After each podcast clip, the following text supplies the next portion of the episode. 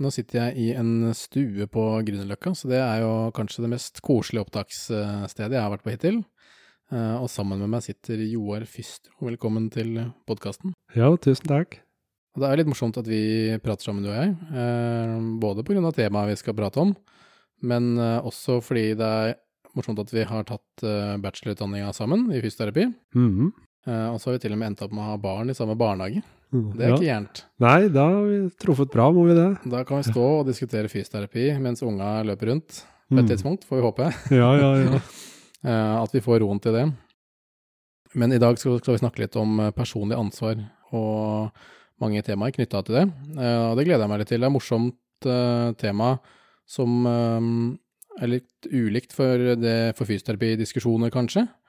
Vi skal prøve å knytte det opp mot fysioterapien, men eh, det syns jeg er morsomt. Å trekke inn uh, litt filosofi og litt moral og etikk, uh, og få fram noe av bredden i faget vårt. da kan uh, være en liten motivasjon for å, å trekke fram det her. Men du har jo stor interesse for det, men kan ikke du fortelle litt om din bakgrunn eh, selv? Jo, jo, takk, og først og fremst tusen takk for at jeg får være med i podkasten. Det er veldig artig å få snakke om det temaet her. Eh, Jeg er eh, da Joar Røkke-Fistro, og jeg eh, er nå stipendiat ved Avdeling for helseledelse og helseøkonomi ved Universitetet i Oslo. Det, mine tidligere utdanninger er at jeg er jo fysioterapeut, som du sa, at vi studerte sammen. Før det så tok jeg en bachelor i, sosio, i sosialt arbeid, altså ble sosionom, så jeg har litt bred bakgrunn eh, eh, sånn sett.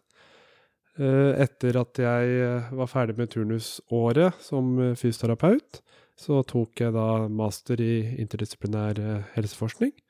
Det som nå heter master i tverrfaglig helseforskning på Universitetet i Oslo, som for så vidt anbefaler dem som tenker på master og har kunnet tenke seg å ta en master, eh, som er en master der det både kan gå veldig eh, teoretisk og filosofisk til verk, som jeg for så vidt gjorde da jeg skrev om temaet i dag, personlig ansvar. Men det kan også gå helt eh, spesifikt inn mot fysioterapi. Mer eh, både kvalitativt eh, intervjuer etc., eller kvantitativ forskning. Og fysioprim, som kanskje en del kjenner til, springer Mm. ut fra eh, miljøet der også. Ja, nettopp. Mm. Så øh, Og det jeg driver med nå, da, med doktorgradsprosjektet, eh, det er om eh, såkalte fraværsgebyrer eh, i helsevesenet. Og det er altså det gebyret du må betale eh, dersom du ikke møter eh, til timen du skulle møtt til, og ikke har sagt ifra innen 24 timer før. Det er liksom bakgrunn, og så kan man spørre seg hvorfor man skal eh, tenke på det. Eh, og det er uh, For det første er det ikke en uh, Jeg sjekker ikke hvordan om gebyret fungerer. Det er jo et interessant spørsmål, om det faktisk fører til at færre Altså at flere møter, at færre ikke møter. Men jeg ser på argumenter for og imot gebyret ved å gjøre en dokumentanalyse av høringsdokumenter. Så det er, det er å få frem at det er flere spørsmål enn om det fungerer. Da. Det er andre normative eller, eller etiske spørsmål som er interessante. F.eks. om det rammer eh, sosialt skjevt. Mm.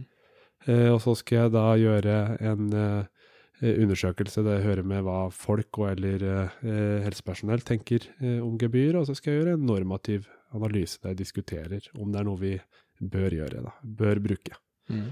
Og det er jo også relatert, selv om det ikke er direkte til eh, personlig ansvar. For det er klart vi kan jo stille oss spørsmål om, om folk eh, bør møte opp, uavhengig av gebyret. Mm.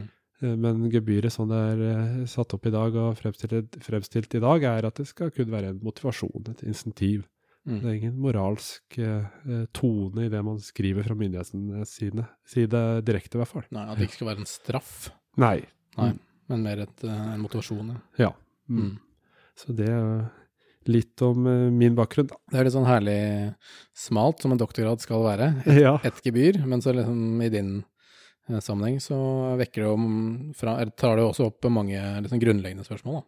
Ja, ja nei, det er jeg helt enig i. Og også bredere sånn i hvilken grad vi skal bruke eh, insentiver, eh, spesielt da i, i helsesektoren. Mm. Og det er jo noe vi sikkert kommer til å komme innom senere i, i dag også. Det er et større spørsmål, ja. Eh, og så mastergraden din, der var du litt mer inn på konkret personlig ansvar, var det ikke? Jo, så det var en eh, det, det var Helt konkret så handla det om, de, om gentester.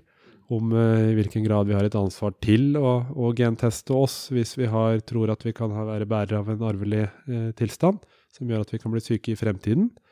Eh, og hva om vi har den informasjonen og da ikke tar forebyggende grep. da.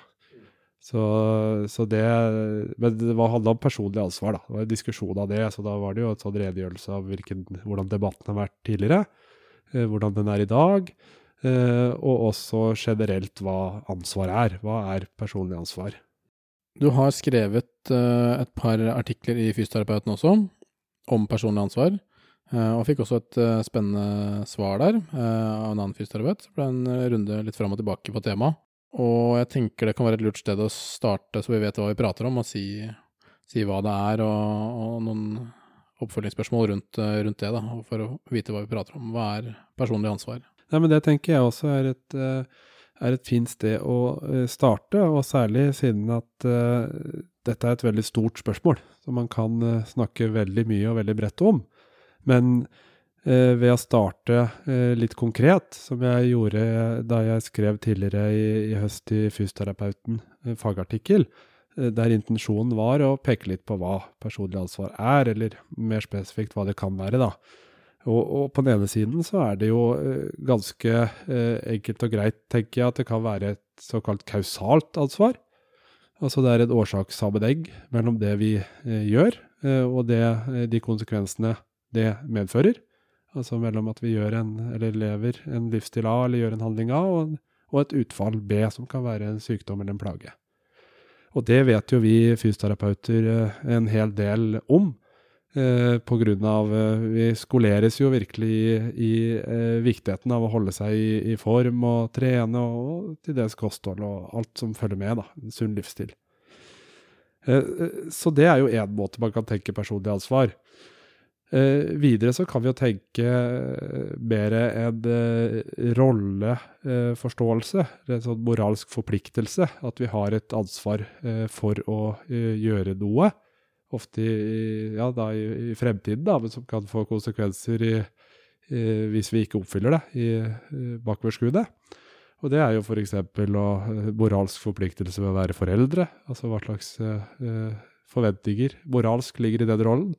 Men også mer konkret i helsesammenheng eh, er jo som en samfunnsborger har du en plikt eh, i sterk eller svak forstand til å stelle godt med deg selv av at du ikke skal bruke av fellesskapets ressurser unødig, som jo er et mer kontroversielt eh, spørsmål, eller i hvert fall vil vekke en del følelser, tenker jeg.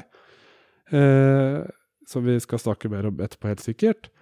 Eh, eller om du har en forpliktelse til å stelle godt eh, med deg selv overfor deg selv, altså at det er liksom begrunna i det, en sånn respekt til seg selv, eller slik det var tidligere i, i mer middelaldersk tenkning og i, i, kirka da, at du har en plikt overfor Gud, fordi at eh, du skader Guds skaperverk, som er din egen kropp. Så vi kan tenke mange eh, begrunnelser, og det her er bare eksempler, da. Det er mange ulike nivåer Altså systemnivå, personnivå, eh, mellommenneskelig nivå mm. eh, og overfor barn f.eks. Og du, ja. jo, du, nevner jo det at det er ikke et tema som nødvendigvis er ukontroversielt. Da. Jeg så du var medforfatter på en uh, studie som handla om overvekt hos barn f.eks., eh, og i hvilken grad foreldrene har eh, personlig ansvar, eller ansvar da, for uh, at barna deres blir overvektige et økende problem. Uh, utvilsomt uh, at det er, men hvem har ansvaret for at barna blir overvektige? Det er sånn fort en type Når du kaster opp den ballen, så kan du fort uh, få litt motbør tilbake. Absolutt. Og her er det Ja, det gjelder å holde tunga rett i munnen. Ja. Det gjør det, altså. Og den, den, konkrete studien der, det var jo en normativ, altså en diskuterte tema i hvilken grad Eh, behandler eh, skulle eh, adressere og snakke om ansvar foreldrene har når de har samtaler med barn og foreldre. Mm. Så det var for så vidt ikke en, ingen kontroversiell konklusjon, da. Nei, nei. Altså at, at, det er eh, påpekte bl.a. avslutningsvis at for det første at ved å nevne det, så har alle har, kan gjøre noe. Så det er noe med å ha, påpeke mulighetene. Eh, ved at man kan tilrettelegge eh, ved kosthold etc. Eh, overfor barn, og, og, og til at det utvikler seg og at det blir best mulig. For det andre så er det jo også at ved å snakke om det, så kanskje foreldrene føler mindre skyld. Av at det viser hvor mye som spiller inn, som er utenfor vår kontroll, og utenfor Altså som ligger f.eks. Uh, genetiske tilbøyeligheter og, og uh, ting vi ikke kan kontrollere. Da. Eller faktorer vi ikke kan kontrollere. Og til slutt også at, uh, at ved å snakke om det, så kanskje ikke alt blir plassert på barnet. For det er veldig fort det er barnet som er, er ikke problemet, da, men som er det som må fikses. Mens ved å utvide på foreldrene, så vil du også liksom fordele eh, fokuset og eh, ansvaret. Mm. Så det, ja.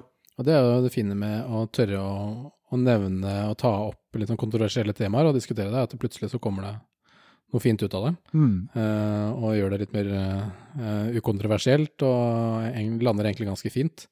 Uh, sånn som den studien der, da, eller artikkelen der. Litt videre på hva personlig ansvar er. Det er også, du var inne på et tidsaspekt her, om man skal ha ansvar tilbake i tid eller fram i tid.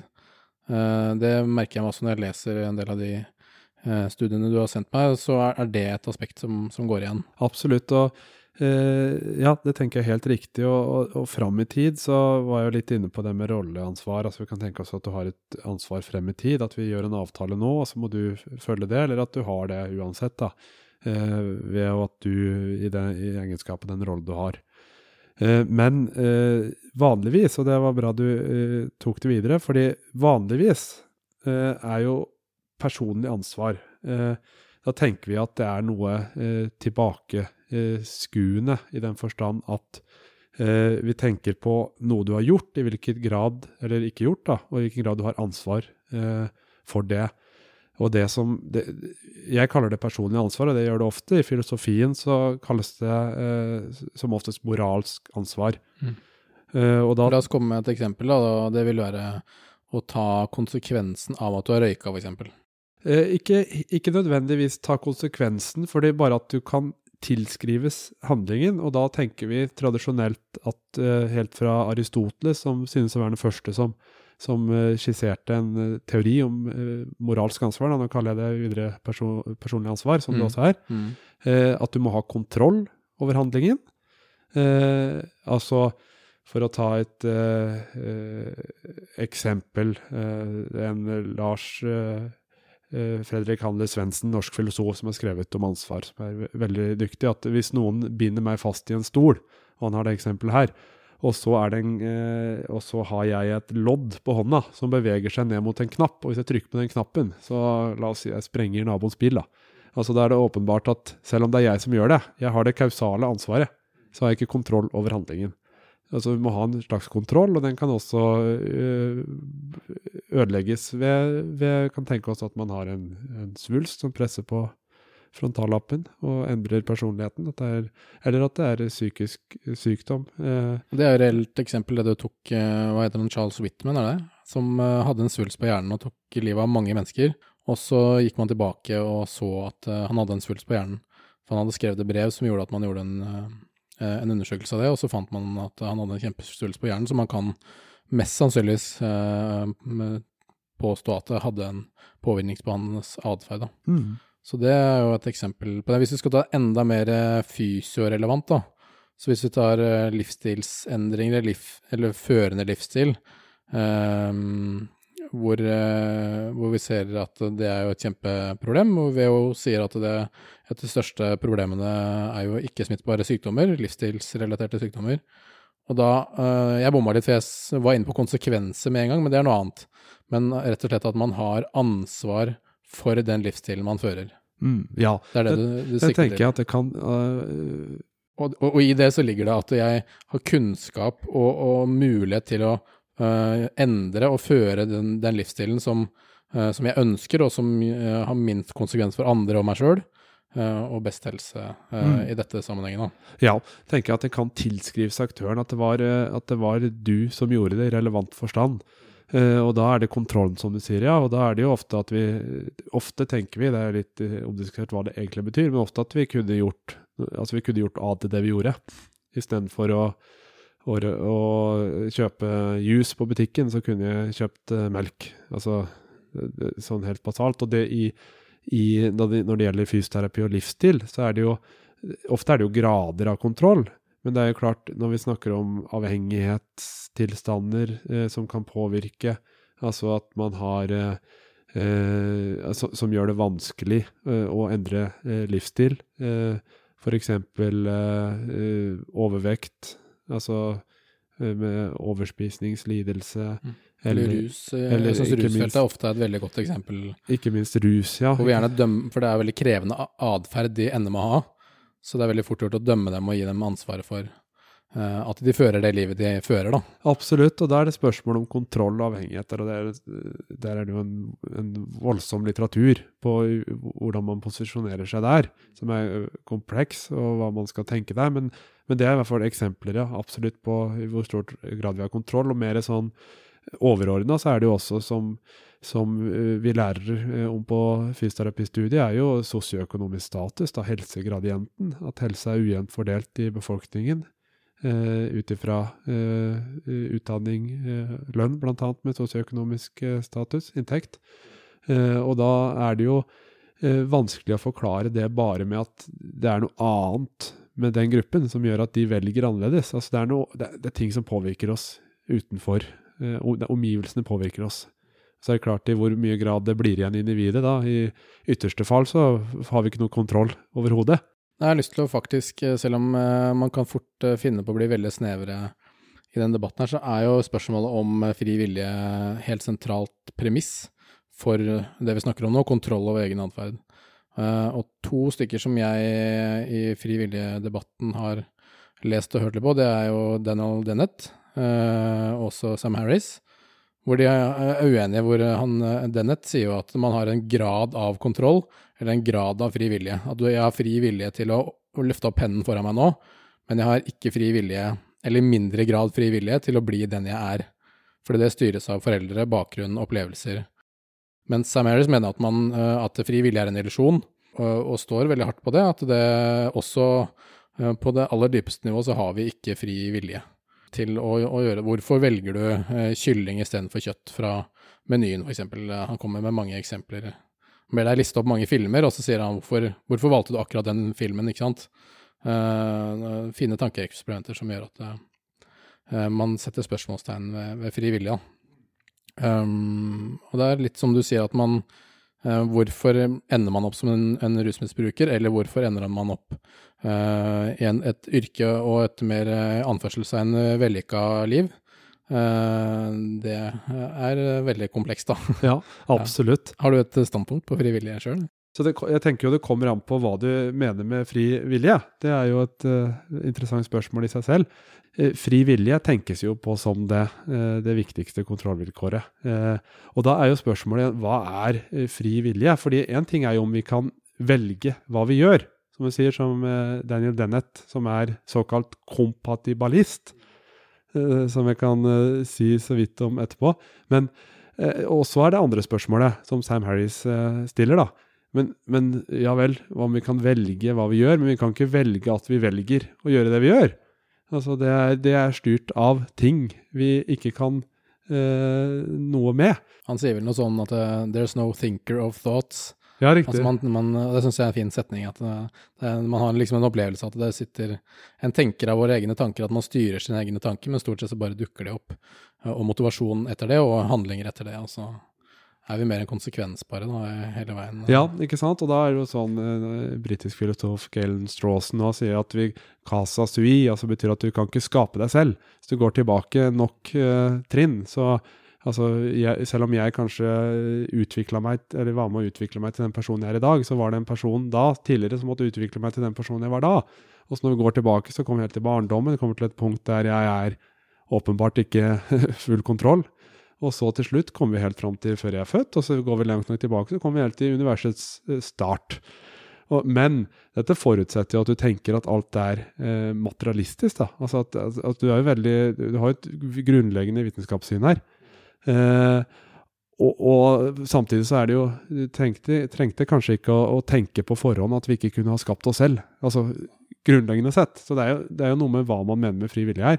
Og eh, det som er et av de Dette er jo diskutert i, i, i, i over 2000 år i filosofien.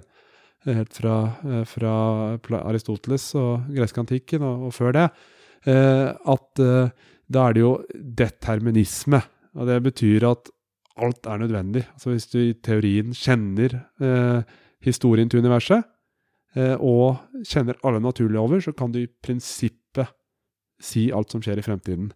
Altså I prinsippet er viktig. da, Det er ikke nødvendigvis at du kan gjøre det, men det som er interessant, da skal ikke ja, Vi får, vi får sørge for å trekke det inn igjen ja, til fysioterapien. Men jeg tenkte bare å si ja. at aller flere altså faktisk Det er gjort uh, noen studier som viser at de fleste filosofer de mener at vi kan ha Eh, i hvert fall i de, de, studiene der de har spurt filosofer, da, at vi kan ha fri vilje selv om universet er deterministisk. Ja. Ja. Jeg tror i hvert fall vi har noen grad av fri vilje, det tror jeg. Men jeg har vært i tvil når du ser på det, eh, når du ser argumentene imot, bl.a. Sam Harry, som skriver jo veldig godt. da. Mm. Ja. ja, han er overbevisende. Men i hvert fall for å kunne si at vi har personlig ansvar eh, for våre handlinger, så, så kreves det frivillig, og det kreves eh, et visst grad av kontroll. Ja, absolutt. Vi forutsetter en kontroll. Også, også, og en annen filosof, P.F. Strawson, som faren til han, Galen Strawson, han har påpekt det tidligere, et sånn veldig kjent uh, essay, 'Freedom and Resentment', fra 1962, at, at, han, at det hjelper jo ikke. Vi kan jo ikke velge å ikke tro på det. Vi, vi opplever hverandre som ansvarlige aktører. Altså det, det er så grunnleggende menneskelig. Altså, og hvis vi ikke gjør det, så er jo vi kan ikke legge det bort. Og når vi gjør det, f.eks. med de som da f.eks. er eh, syke, åpenbart, så, opp, så, tar vi en såkalt objektiv eh, eh, stilling til dem. da, eller Vi ser dem mer som ting. Og Hvis vi hadde gjort det på alle mennesker også, så ville jo det vært Da ville vi jo sett bort fra mye av menneskeligheten. Uansett så må vi handle som om vi har en viss grad av kontroll og, og en, en, grad av frivillige. Riktig. Og det, og, men så er det, du sa jo også, vi må jo også ha kunnskap. Mm.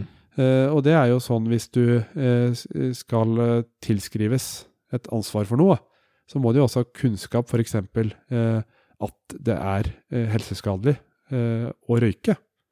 Og det tenker vi jo at det, det bør man vite i dag. Mm. men du må jo ha, ha den kunnskapen. Eh, F.eks. hvis noen gir videre en kaffekopp for å være snill, og så har noen forgifta den kaffekoppen så kan personen vanskelig, vanskelig, klandres for å ha gitt kaffen bort hvis den ikke kunne vite det og ikke burde vite det. Og Der kommer vi jo eh, fort litt inn på en praktisk greie rundt helsetjenester og, og, fysioterapi. da. Med vår grunnleggende, vårt ansvar med å, å overføre og gi en viss grad av kunnskap. Um, for at, sånn at pasienten kan ta egne valg, er jo en, en kjerne i pasientsentrert behandling nå. da. Uh, og gi de kunnskapsgrunnlaget. Så det, der kommer jo denne uh, der, legger man jo på en måte gradvis litt av mer ansvaret kanskje over på pasienten. Etter hvert som de tilegner seg og du, opplever at de har mer kunnskap til å ta egne valg i, i behandlingsforløpet, f.eks. Ja, det tenker jeg. Da legger man jo et av premissene. At du, du får vite hva du skal gjøre. Hva dette, her, disse øvelsene bør du gjøre. Du bør gjøre det så og så ofte. Da har du da har du et kunnskapsgrunnlag. Da kan du ikke si at 'jeg visste ikke hva jeg skulle gjøre'. Det var jo fint i fysioterapeuten i diskusjonen der, hvor det ble en diskusjon rundt hvem har ansvar for eh, fysioterapeutisk behandling. Er det behandler eh, eller pasient, eller en gradsforskjell der, da, for eksempel. Eh, fordi eh, hvis det er greit, eller Har du noe, mer å si om grunnlaget, eller skal vi gå litt videre på, det eneste jeg tenkte eh, nå på som ble litt uklart av det jeg sa og svarte, var at eh, dette med handling og konsekvenser.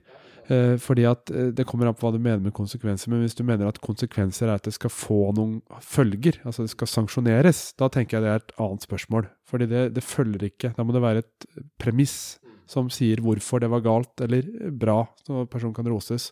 Men hvis man mener altså at du er ansvarlig for altså Uh, la oss si helt på spissen at du har, har, røyka i alle år, og så nå har du fått lungekreft. Én ting er jo å være ansvarlig for at du røyka, men et annet ting er jo å være ansvarlig for at du fikk kreft. For der er det jo en rekke andre kausale forbindelser også. Altså, noen røyker jo hele livet og får aldri kreft. Eh, så, så det er jo et sånn spørsmål at man kan jo tenke i teorien hvis vi visste det, men ofte vet, som oftest vet man jo ikke helt de kausale forbindelsene. Men, men bare at det er jo Og noen ganger er det vanskelig å skille handling og konsekvens. Altså hvis du, hvis du øh, slår til noen, så er det jo ikke det at du skiller liksom ikke mellom slaget og at du traff personen. Altså, det, det er jo som en og samme Ja, det var bare det jeg tenkte på. Men det er jo viktig Ja. eh, poeng, og det er jo helt åpenbart for, for oss, da, men at eh, de fleste helseproblemer aldri er én-til-én-forhold. eh, stort sett, da. Eh, og det stort sett er veldig komplekse, ikke sant? sånn som du sier, at det er mange determinanter av, eh, av utfallet der. Mm. Eh, Men hvis vi skal prøve å, å Jeg har lyst til å, å trekke det litt sånn inn til eh, fysiorommet, til ulike typer fysikalsk eh, behandling, og, og, og snakke litt om den kontrakten som man skaper for å få det eh, Hvorfor eh, få det praktisk? Hvorfor er personlig ansvar spesielt relevant i, i pasient-behandlerrollen i, i fysioterapi? Um, kan vi si litt om det, denne kontrakten som man gir, og som man, eh, eller som man får, mellom pasient og behandler, og, og, og behandlingsforløpet? Hvorfor personlig ansvar er viktig der? Mm. Ja, nei, jeg tenker jo at det er eh, Det er jo særlig relevant og, og aktuelt personlig ansvar i fysioterapi, nettopp pga. at pasienten eh, må bære eh, mye av behandlingen med en stadig mer aktiv tilnærming. Eh, der du, som du var inne på med kunnskap, får informasjon, eh, kunnskap om hva som eh, bør gjøres da for å bli bedre av de, den tilstand, de plagene som er, har gjort at vedkommende har kommet til fysioterapeut. Eh, og at en eh, må gjøre eh, ofte da øvelser, et treningsopplegg for å bli bedre. At det ligger i, i kontrakten også, da. At du kommer her, skal jeg hjelpe deg, så må du gjøre noe selv. Det man snakker om at uh, compliance og ad, eller adherence, uh, som man sier. Og det var et poeng også, at med det, compliance er jo mer uh, passivt. Men eh, prøv mer med adherence. At, men, men det oversettes for ofte til etterlevelse. Ja. Men det er interessant i fysioterapi hvor du på den ene siden har kunnskapsoverføringa, men den alene er jo ikke nok for at det skal være en effektiv behandling. Det er jo ofte en motorisk læring, altså du skal enten instruere øvelser, de skal klare å gjennomføre noe motorisk, skal Da kommer dette med evnen til, ikke sant, igjen, til, til å gjennomføre noe motorisk, om det være seg styrketrening, utholdenhetstrening eller eh, rehabilitering etter slag, ikke sant uh, ondt så veit det, så, så, så kreves det også en motorisk element. Så hvis de én ikke har kunnskapen, to ikke klarer eh, å følge våre instruksjoner eller eh, tilegne seg den motoriske læringen, så kanskje man kan si på et eller annet tidspunkt at eh, de ikke klarte å få effekt ut av tiltaket. f.eks. Ja, absolutt. Og det kan vi jo tenke uavhengig av hvorvidt de er ansvarlige, om det var fordi de ikke prøvde hardt nok, da. Eller om det var at de ikke hadde forutsetningene, eller hadde mye vanskeligere forutsetninger i hvert fall, for å få det til enn andre som tar ting mye lettere. Vi er jo forskjellige. Eh, men da, hvis du begrunner det i et nyttehensyn, at du sier at eh, vel, eh, sorry, jeg kan ikke hjelpe deg. Altså det, det, det her eh, behandlingsopplegget vil ikke fungere så godt, og det er andre som kan nyttiggjøre seg bedre. Så det, derfor ikke, så er det ikke noe stort poeng å fortsette med, eh, med meg her nå. Det er jo egentlig en, eh, en, en grei vurdering. Da, da tillegger du ikke ansvar, personlig ansvar og sier at vel, på grunn av at du var personlig ansvar, så kan ikke personlig ansvarlig, så kan ikke vi fortsette behandlinga. Så det, det er et viktig hensyn, og det ligger jo egentlig i, i nyttighensyn i, i overordna med helseprioriteringer også, sånn som skal gjelde både i spesialisthelsetjenesten og som nå nylig er, eh, skal også brukes i, i kommunehelsetjenesten, primærhelsetjenesten, eh, eh, som er jo eh, tre kriterier. Ressurskriteriet, eh, at, eh, at prioriteten til en, et tiltak øker jo lavere ressursbruk det er, og alvorlighet, jo mer alvorlig tilstand det er, jo høyere prioritet for det, og, og jo mer nytte det er i, i behandlingen eh, for da pasienten her, da, og få bedre effekt. Og, og det som er interessant, er jo ofte både fysioterapeuter og andre, når man gjør en nyttevurdering, er det en ren nyttevurdering, eller ligger det andre premisser der også? For det er jo et uh, empirisk spørsmål hvorvidt det uh, som pasienten ikke kan gjøre det, eller f.eks. Uh, som blir mer uh, Ja, i hvilken grad det at ikke pasienten gjorde øvelsen akkurat sånn eller sånn, er det en betydning for om en får effekt av behandlingen? Eller er det mer den å bli møtt kognitive Altså, det, det, vil jo være et annet spørsmål, da, hvis du skal bruke grundig nytte. Mm. Jeg jobber jo med hjertepasienter bl.a., hvor vi har gruppebehandling, uh, Ullevålsmodellen på NIVI. Um, og der har vi jo ulike grad av folk som møter opp til gruppetimene. Så noen merker man er veldig på, de setter av livet de ukene de skal trene og ha rehabilitering, mens uh, noen faller jo helt ut. Uh, og de er ærlige på at de prioriterer andre ting, de prioriterer jobb. De, de får ikke til å, å, trene de to til tre ganger i ukene som de skal, uh, og vil jo da stort sett ha mye mindre effekt av det tiltaket, f.eks. Og så må vi noen ganger gjøre vurderinger, for de får jo en, en test på oppstart og slutt. Og hvis de f.eks. bare har vært med noen ganger, så, så, kan det være at de ikke får den sluttesten. Da gjør vi en, en, en prioritering, på en måte, fordi den, det krever mye penger, og det er jo et offentlig anbud. og Det begrenser seg på en måte hvor mye vi kan eh, investere i den enkeltpasienten hvis de ikke har hatt en viss grad etterlevelse av den behandlingen som vi tilbyr. Da. Men det er jo en forventningsavklaring i starten, og, og som vi må ta i samtale med dem. Da. Ja, ja, men det er et interessant eh, eksempel. Eh, absolutt, for da vil jo det eh, tenke at det har en betydning for om de får eh, nytte, eller om det er andre som kan nyttiggjøre seg av, av behandlingen bedre. Eh, og da er det jo, aktiverer jo det tenker jeg, flere spørsmål. For det første er i hvilken grad er det eh, Vi liker jo å tenke ofte at f.eks. i idrett generelt at noen har talent. Og nå, og, men likevel må man trene, mens noen har mindre talent og har trent mer. Og så tillegger vi det, eh, roser dem og tenker at det er veldig bra. Eh, da har de stått på. Men hvis man virkelig tenker på det, så er det jo Altså hvis man går i den uh, mot at vi ikke har så mye kontroll, så har vi heller ikke kontroll i hvilken grad vi har evne til å, å ta sammen og, og, og gjennomføre tiltak. Og, motivasjon også vil jo være fordelt ulikt. Eller altså, evnen til å uh, aktivere motivasjon. da, Bevege seg mot det ønskede målet. Uh, så det er nå én ting, da. Men hvis det ikke det, det, vil jo på en måte være uavhengig av, uh, av ansvar. Ved, ved, at det er sånn. Men det er jo noe veldig sånn forutbestemt. Hvis man tenker at bare er, noen er sånn, da, da er det jo noe med arbeidsfordelinga, eller ansvarsfordelinga, tenkte jeg på. Med hvilken grad vi som terapeuter har et ansvar, og det vet jeg jo veldig mange tenker på, men hvordan man kan hjelpe noen til å uh, motivere seg, bevege seg mot det målet de ønsker selv. Det kjenner man jo veldig på seg sjøl. Noen ganger så, så, fikk man det bare over seg. Altså plutselig så uh, satt man i gang med et prosjekt eller eh, en livsstilsendring. I hvert fall for min del, de, de gangene jeg har endt opp med å, å gjøre det, så, så, skjer det ofte litt fort og litt brått, og jeg kan ikke helt sette spissen på hvorfor det skjedde akkurat da, og ikke en annen gang, ikke sant. Og så kan det fort være Det tenker jeg mye over når jeg møter pasienter sjøl, å prøve Eh, og være minst mulig dømmende for hvorfor de eh, ikke er motiverte.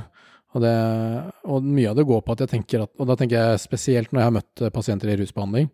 Eh, for de er gjerne svingdørspasienter inn og ut. Og så eh, tenker jeg at det, det, kan bare handle om timing, da. Det kan utelukkende være timing som gjør at de ikke responderte på tiltaket akkurat nå. Og at de eh, må ha denne tiden til å gå noen runder og, og endre på livet sitt smått som sikkert, og så plutselig så møter de kanskje riktig person i riktig setting. Eh, eller eh, det er en masse tilfeldigheter som gjør at du får en sånn utløsende årsak. Det hører man jo noen prosenthistorier. Det var den behandleren som hjalp meg. Og da tenker jeg ofte at det var nok ikke nødvendigvis bare den behandleren, det var nok også timing, setting, at man på en måte var klar akkurat da. Eh, hvor dette motivasjonsperspektivet kommer inn, hvor det er fort gjort å klandre noen Hvorfor er ikke du med meg nå? Jeg, jeg, gir jo alt av meg sjøl, og jeg, jeg, prøver å levere deg kjempevarer her, og så tar du ikke imot, ikke sant? Uh, men så må man på en måte respektere litt den uh, komplekse situasjonen, spesielt på noen pasientgrupper. da. Uh, psykisk, tung psykisk lidelse og, og, rusbehandling er det jeg har vært innom, og jeg følte at det var veldig tydelig, hvor jeg på en måte aldri måtte ha noen store forventninger om at jeg skulle ha noen unik effekt der og da. da. Uten at jeg skulle legge det, ansvaret på dem. Ikke sant? Det, det var der det var litt vanskelig, for du kan jo bli oppgitt, ikke sant. Og du kan begynne å gjøre verdivurdering ut fra hvem Når jeg hadde, en, eh, jeg hadde to poster som jeg skulle følge opp, x antall pasienter som jeg kunne på en måte velge å investere i, så det, trenger ikke jeg å lure på om at jeg gjør en uh, vurdering hvem jeg syns er motiverende å, å, være med. Ikke sant? Det var jo noen som elska det vi holdt på med, uh, at det var en fysioterapeut der. Og så var det mange som lurte på hva i all verden var det jeg holdt på med på den type post. Uh, og hvorfor jeg skulle følge opp dem og ikke sant. Og da, da, må man sørge for å sortere sine egne følelser litt, da. For det er fort gjort å gjøre litt vurderinger med utgangspunkt i Eh, også deres ansvar, hva jeg tenker du burde Jeg kan jo fort tenke du burde. du burde i hvert fall være med, ikke sant? Du, burde i hvert fall, du hadde i hvert fall fått effekt av dette, eller hatt godt av å, å, ha en time med meg. Men det, det, må man på en måte holde seg litt for gode for. Tenker jeg veldig eh, fine eh, refleksjoner rundt det. For nettopp det er jo et skille mellom dette beskrivende ansvaret, hva som er i den måten at hva som er nyttig for deg å gjøre, og om det kommer inn eh, verdivurderinger som også påvirker de tankene du har eh, om pasientene og hva de bør gjøre. Så, så det tenker jeg er en veldig nyttig eh, måte å tenke rundt det, og sortere litt tankene på det. Det kommer jo, jeg tenker liksom ordet at det er, en det er en profesjonalitet over den rollen man har. Og, og det, for meg er det mye av det å være en profesjonell utøver, er å klare å reflektere og skille over noen av de spørsmålene der, da. Mm. Uh, og håndtere sine egne følelser i den settingen. Ja, ja, ja, ikke sant. Og så er det jo også viktig at personlig ansvar er, eh, som jeg var inne på tidligere, det er jo helt ukontroversielt, og det er jo helt åpenbart at det å eh, tillegge noen ansvar er jo også å respektere dem, og det er viktig for at man skal gjøre noe. Altså at det kan være viktig at man bygger opp under et personlig ansvar, i den forstand at man føler at man kan påvirke sitt eget liv. Og det er det jo viktig hvis man skal gjøre noen endringer. Eh, men så er det som du sier, når man gjør disse verdivurderingene, eh, så må man eh, tenke seg godt om, om det er, hva det egentlig er man gjør vurderingen på grunnlag av. og så tenkte jeg å, å, føye til også dette med hvem som har ansvar i behandlingsrelasjonen, om det er fysioterapeuten eller pasienten. Og der tenker jeg det er jo noen store samfunnstrender at vi har jo fått mye mer fokus på selvbestemmelse de siste ti årene. Og det er jo kjempebra, tenker jeg. Eh, eh, altså autonomi, at, at, du skal kunne eh, se, Altså dette bare med å sette mål og, og, og, og styre eh, mere.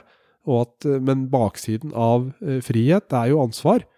Og det er klart, da er jo, når du kan ta mer valg, så ligger jo også eh, baksiden ved at det er noe ansvar som, eh, som tildeles, eller som kan tildeles. Og faren med det, som en sånn kritisk vinkel, er jo at vi får de som er Hvem er det som håndterer det best? Det er jo de som allerede er ressurssterke. Og da er det jo en, en fare for en viss ansvarsfraskrivelse. Altså, eh, du klarte ikke å håndtere det her, vel, da kan jeg ikke hjelpe deg. Mens de nettopp trengte hjelp for å uh, håndtere det. Altså, det er jo en balanse der, tenker jeg. da. Og Det er der jeg uh, syns eksempelet mitt hvor jeg, altså fra akuttpsykiatrisk og rusbehandling, hvor jeg møter på en måte disse uh, de svakeste. Altså stort sett har de voldsomme historier. Eh, og så der blir det ekstra viktig for meg å tenke over eh, helsegradienten og, og liksom ansvarsfordelinga, og ikke tillegge dem for, for, mye ansvar i den situasjonen, i hvert fall. Og så må de jo ansvarliggjøres i sitt liv og, og så videre. Ja, det, det er helt enig det.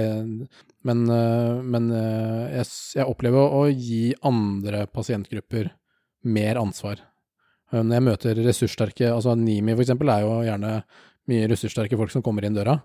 Eh, og da merker jeg at jeg plutselig får en annen holdning som, eh, som utøver av, av faget. Hvor, jeg, hvor, de selv forteller at de er ressurssterke, og de, de gir oss inntrykk av det. Og da, da, også setter jeg større krav på en annen måte. ja, I hvilken grad det er riktig, det men jeg tenker jo det, da. Jo, men det tenker jeg jo det uh, profesjonelle skjønnet som er helt avgjørende. Og så er det jo det å ha en, som vi jo lærer i grunnutdanningen, at det er jo ha et bevisst refleksjon rundt det. Sånn som du har nå, som er det viktige. Og altså hvordan man doserer det, doserer på en måte ansvar òg, da. Om du doserer det for høyt, selv om de synes å være ressurssterke og kunne håndtere trening og, og, og råd og og behandling godt, og motsatt om du, du doserer det for lavt noen ganger òg. Altså at det blir en sånn For det er jo det, hvis man fraskriver noen ansvar, så er jo det også, kan det jo være at man ser litt det på noen, eller du ser på de som at vel, du, du, du vet ikke, du greier ikke å ta vare på deg selv, du trenger hjelp. Og det, noen ganger er jo det riktig, men det er jo ikke, det er jo en fare hvis vi gjør det for ofte. Og det vil jo, vil jo noen påpeke at vi kanskje har, vi fraskriver flere og flere eh, ansvar også, med at stadig eh, flere elementer blir, eller tilstander blir sett på som eh, sykdom, eh, og at det også kan være, eh, være et problem, da. Mm. Du skriver et sted, det er litt på det du sa i stad, at denne trenden, ansvarstrenden du, du skriver eh, litt om eh, den TV-serien Et fett liv, eksempel, på NRK. Eh, du beskriver helse som en sånn superverdi. Er det relatert til det du sa der? Denne trenden med, med helse som en, som en, stor verdi, som man skal ta ansvar for, og, og leve et helsefullt liv. Da. Jeg tenker i hvert fall det er altså, det, Jeg tenker det er litt Jeg tenker det er et viktig utviklingstrekk. Også det autonomifokuset tenker jeg er noe litt det er litt parallelt, eller litt, litt annerledes med det. Ved at det er, uh, vokser frem en stadig individualisering, og særlig i vestlige kulturen, da, med, med, at vi skal ha selvbestemmelse. Men dette med at helse som stupverdi, som noen ganger kalles helsisme, er, altså at det, det, vokser opp til å bli noe bra i seg selv. Og det er jo bra at vi er friske, det er jo viktig for et godt liv.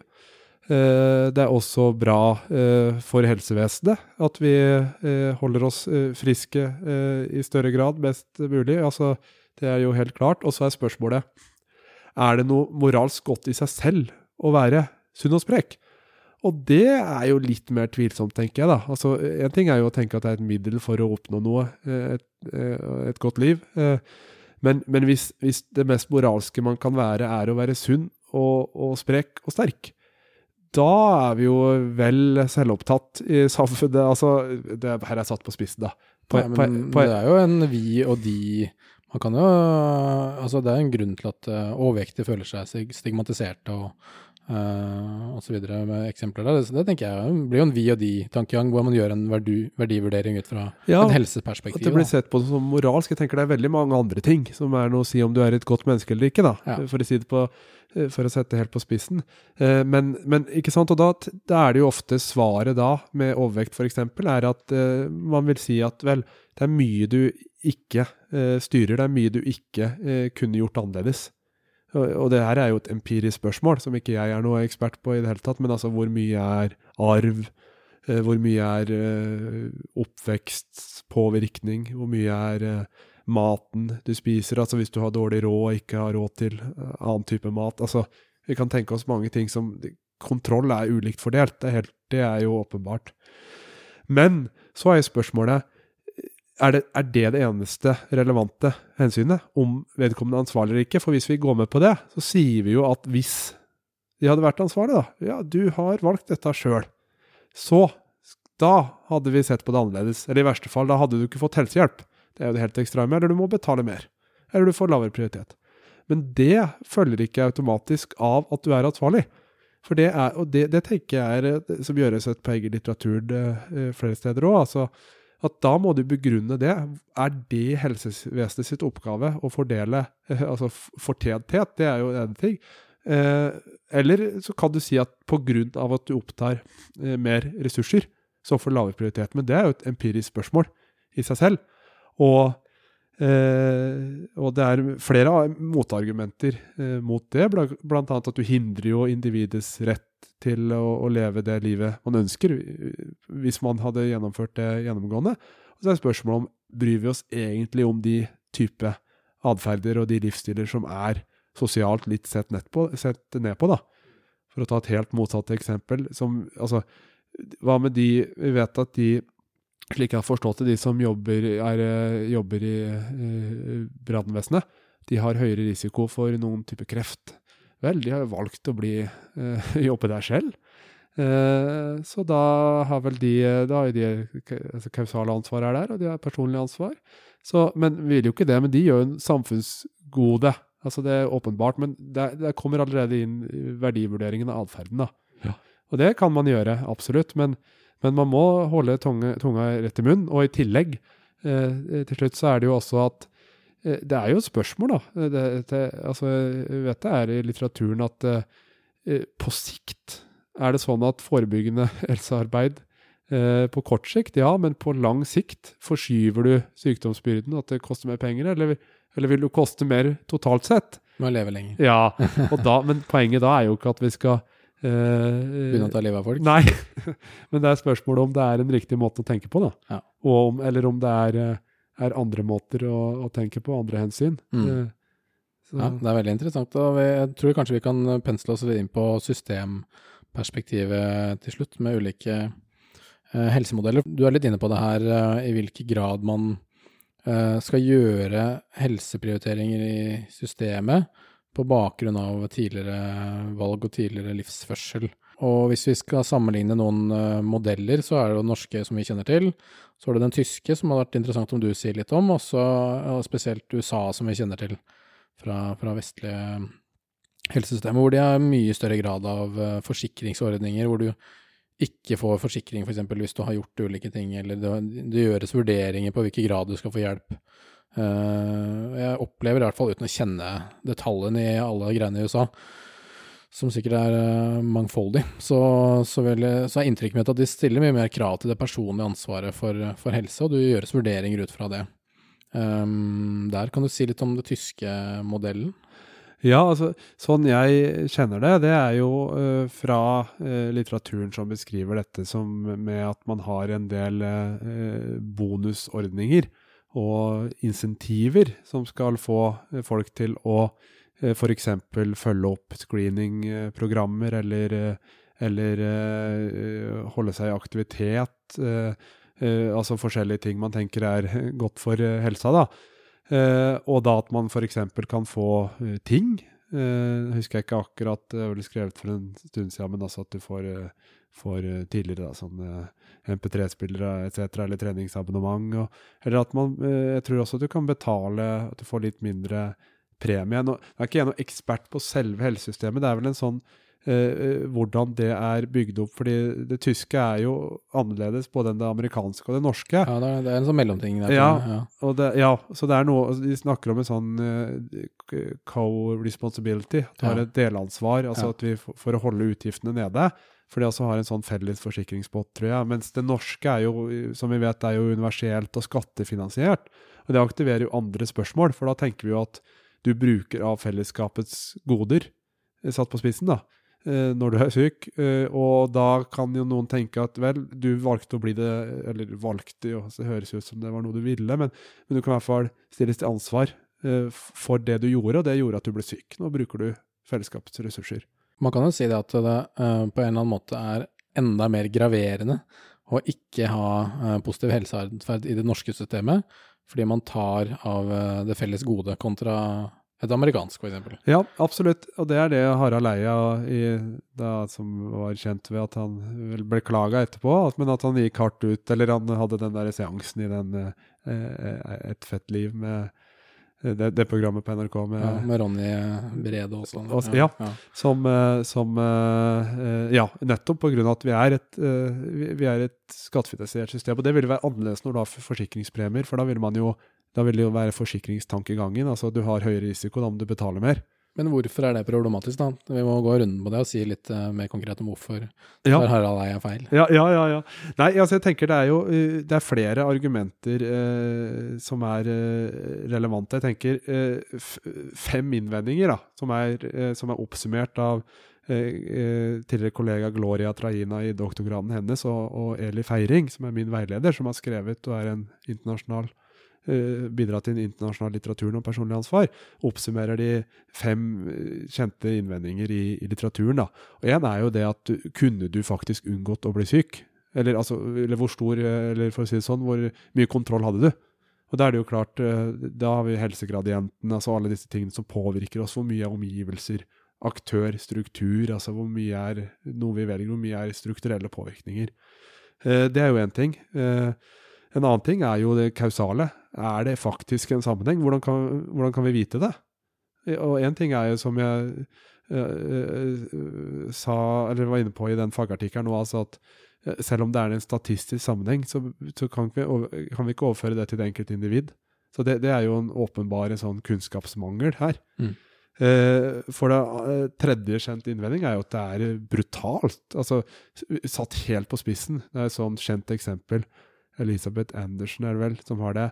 At uh, Uh, hvis jeg tror jeg sa riktig, at uh, det har vært en trafikkulykke. Uh, ambulansen er på vei. føreren er hardt skada. rett før de kommer fram, så får du beskjed om at det var førerens skyld. De snur og lar vedkommende ligge igjen og dø. Mm. Altså, mm. Det er jo helt uproporsjonalt. Mm. Altså, Vi snakker om det er liv og død noen ganger, avgjørelser her. Skal det baseres på, på personlig ansvar? Er det relevant? Mm. Eh, og så kan det være veldig inngripende å stille spørsmål og skulle grave inn i det her. Altså det er et privatvernhensyn òg. Eh, også ikke minst er det en rettferdighetshensyn, og der er vi tilbake eh, på eh, Det har blitt kalt eh, eh bl.a. triple jeopardy. at at dette er jo med helsegradienten, at noen lever i dårligere sosioøkonomiske forhold. Altså det er et onde i seg selv å gjøre det, eller altså det er en uh, ulempe og et problem å gjøre det. Uh, også av at de gjør det, så har de større sjanse for å bli syke. Eller altså det er en del av risikofaktorene for å bli syke. Og så attpåtil så skal man straffes for det, for en atferd og en livsstil man ikke helt valgte selv. Så det er jo liksom fem innvendinger mot å gjøre det, både sånn ja, både praktisk og, og filosofisk uh, til dels. For det er vel også et argument som jeg leste bare det, Du nevnte ordet praktisk. Bare det å gjennomføre vurderingene vil jo koste helt enormt. Altså Hvor setter man grensen? Hvor, hvor, hvilke system skal man måtte følge opp og straffe og gjøre vurderingene. Det blir eh, en, eh, nesten en utopi, kan man se for seg, da. Ja, absolutt. Og som noen har sagt, eh, at det er Vel, det gjør, gjør, noe mer moralsk galt ved å skulle utøve den dommen, enn, å, enn at det man eventuelt gjorde, ved det ansvaret man skulle ha, da. Jeg ser uh, i den ene artikkelen du har sendt meg av feiring og Uh, Treina, Treina ja, fra 2020, så, så og, og, konkluderer de med at uh, personlig helseansvar ser ut til å utfordre kjerneverdiene som likeverd, inkludering og solidaritet i den norske modellen.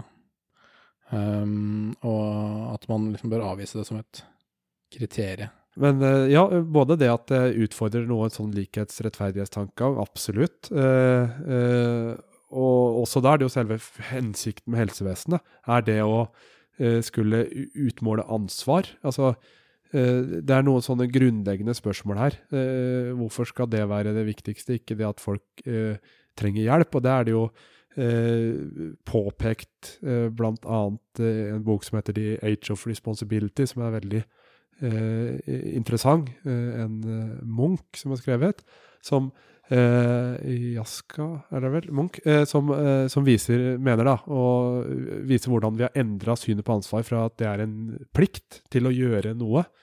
Altså at du har en plikt overfor landet. altså en sånn omskriving fra, fra Kennedy, da, som mm. sa. Mm. Eh, og så eh, at vi nå har et Eh, ansvar eh, Altså ansvaret påføres oss. Han sier vel eh, 'responsibility as accountability'. Eh, at vi stilles til ansvar for det vi har gjort. Og at det automatisk betyr at vi skal få noen følger. Og han stiller jo spørsmålet hele tida hvorfor Eller han konkluderer med det hvorfor skal det eh, være sånn?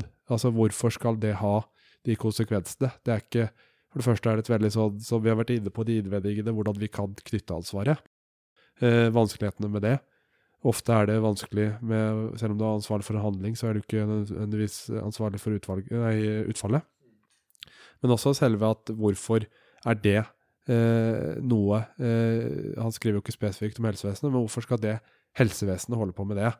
Eh, og så kan man tenke seg da, at det var sånn at i en helt spesifikk situasjon, da, at man hadde absolutt knapphet på, knapphet på ressurser, de er like dårlige, pasientene. Og da er det jo vært ofte sånn at man skal ha levertransplantasjon. Da. Og den ene har da drukket på seg eh, plagene. Den andre har fått det helt utenfor sin egen kontroll med hepatittvirus. Har det noe å si da? Og det er det klart, der vil jo noen endre litt intuisjon, da. hvis man kan tenke seg en sånn, eh, sånn situasjon. Mm. Eh, Men kan man øh, kritisere Altså, i denne samtalen her så, så hyller vi jo det norske systemet, og kan man kritisere oss for å være naive i vår diskusjon her nå, øh, hvor vi på en måte bare trekker fram de negative sidene? Og så kan det være at verden er litt mer hard, at det gjøres øh, harde vurderinger, eller må gjøres vurderinger på bakgrunn av noe personlig ansvar i, i vårt helsesystem, og at det hadde vært nyttig også. ja, vel, eh, altså jeg, jeg nyttig Eller skal vi ikke ta noe selvkritikk? jo, absolutt. Jeg tenker det er veldig viktig å stille spørsmål og, og tenke godt uh, over det. Og det er et argument noen bruker for å ansvarliggjøre, da, og også ha en slags uh, straff, da, eller sanksjon, er jo at det fører til bedre helse. Noen vil jo si det. ikke sant? At du, du vet nå at hvis du ikke gjør det her, så må du betale litt mer. Du får litt høyere egenbetaling. Og, og der er det jo også en forskjell da, mellom om du har den før, altså at den tillegges f.eks. med skatter ved, eh, ved at du gjør en eh, livsstil, eller om du får den når du først har blitt syk. For det er jo mye lettere å forsvare at du gjør den når du eh, gjør handlingen. For det, er jo så mye som spiller inn hva som skjer etterpå. Så, så, så det er klart, og eh, sånn som i Norge så har vi jo eh, avgifter med tobakk og alkohol, eh, som også helt klart påvirker etterspørsel. Men hadde det vært hensikten at man skulle ha liksom eh, betalt tilbake for ansvaret sitt, så måtte vi nok tenkt mye høyere avgifter, da. Men ikke sant, det, så, det, så er det jo et empirisk spørsmål. Fører det til eh, enda bedre helse å gjøre sånne ting, da? Det, det, er klart, det kan man eh, tenke seg. Og så blir det så grunnleggende verdimessig og politisk i hvilken grad eh, Hvilken rettferdighetssyn man har, da. Om det er faktisk rettferdig. Vel, du har ansvaret selv. Da må du ta mer konsekvenser. Mm. Ja. Jeg syns det er interessant også, bare for å trekke det eh, litt til slutt ned på det fysiorommet, og, og hvor jeg syns liksom, kognitive tankefeil eh, ofte spiller litt inn, og i hvilken grad man retter mer fokus på den atferden vi selv liker. ikke sant? At vi er, eh, har et visst bias mot egne preferanser og gjør eh, eh, verdivurderinger og vurderinger på et mye lavere nivå enn systemperspektivet i vårt møte med pasientene. Eh, engasjement og hvor mye vi følger dem opp, og hvor mye vi gir av oss selv. Og, eh, for å ta det litt tilbake dit, da, syns jeg det er spennende. Ja, absolutt. Og den, eh, at det er, eh, kan være en sånn rett og slett sånn sosial skjevhet også, som spiller mye inn, det er, eh, det er en viktig innvending. At bryr vi oss egentlig om det vi ikke liker som samfunn? Eller er det, er det pga. at det f.eks. koster mer penger, da? Så, så et, et tilleggsproblem hvis man ikke tillegger ansvar, er jo hvis du tenker at folk ikke er ansvarlige. For da er det jo nettopp det vi var litt inne på, da. At du kan være en slags sånn eh, om ikke objektivisering, at du i hvert fall tenker at vel, de vet ikke sikkert eget beste. Må, altså at du ser litt ned på dem, da. Altså det er jo noe øh, Det å øh, Vet jo det å stille krav til en viss grad og, og, og se folk og ha forventninger, det er jo også noe med eh, å se på det andre som en likeverdig medmenneske. Mm. Jeg syns det er veldig fin, eh, kanskje fin avslutning. Skal vi si at vi har dekket eh, mange temaer knytta til? Jeg tror vi begynner å nærme oss eh, timen etter hvert. Um, har du noen andre ting som du tenker vi burde sagt noe om? Uh, nei, jeg tenker vi har uh, snakka Dekka de fleste temaene jeg tenkte på før, og så er det masse som kan sies, er det mange nyanser, det er ekstremt komplekst. Ikke minst når vi hopper mot fri vilje, det er klart det er jo et evig spørsmål. Så, så det er klart det er mye man kan eh, eh, snakke om. Men eh, sånn avslutningsvis så tenker jeg i hvert fall at eh, at det er i hvert fall interessant, som har blitt påpekt av det, som jeg nevnte i den boka med Jaska Munch, altså at, at vi har han, han har en analyse, det er vel amerikansk politikk, da, men jeg tenker den er aktuell for generelt og, og, og norsk også, at du har venstresidestrategien, for altså tradisjonelt så er det litt mer høyresidestrategi å tillegge ansvar. Dette er du ansvarlig for, det må du bare følge den av også på venstresida har vært mer eh, at du eh, lunkende til det, da. Og, men at han ser en endring fra å argumentere mot at det ikke er relevant med ansvar, til at vi, vi fornekter ansvar. Eh, altså sier at de er ikke ansvarlige. Og det, det, det kan jeg jo kjenne meg igjen nå, som jeg tenkte mye tidligere, at altså, det er så mye som påvirker oss. Vi har eh, sosioøkonomisk eh, helsegradienten, sosioøkonomisk status. Og så var jeg inne, på kognitive eh, skjevheter og tilbøyeligheter med med, med hvordan det påvirker oss også. Og det viser jo kanskje at vi er enda mindre fri der òg enn vi, vi, liker å tro. Eh, men faren med å, å si at eh, vi er ikke ansvarlige, så derfor skal vi ikke stille til ansvar, er jo at da godtar du jo grunnpremisset om at hadde vi vært ansvarlige, så skulle vi stilles til ansvar. Så jeg tenker det er jo en viktig ting å tenke på, da. Hvorfor skulle vi stilles til ansvar selv om vi var ansvarlige? Mm. Så tenker jeg, dette er jo en episode som kanskje kan Jeg håper det kan være litt mer debattskapende, så jeg får jo bare oppfordre andre enn deg også til å skrive og ytre og mene, og mene imot oss eh, om man har noen fine innspill. Absolutt. Uh, og rette på oss i dag vi tar feil. Ja. Uh, så håper jeg at de som hørte på, syns det var interessant. Tusen takk for masse fine refleksjoner rundt, rundt temaet. Jo, bare hyggelig. Veldig hyggelig å være her.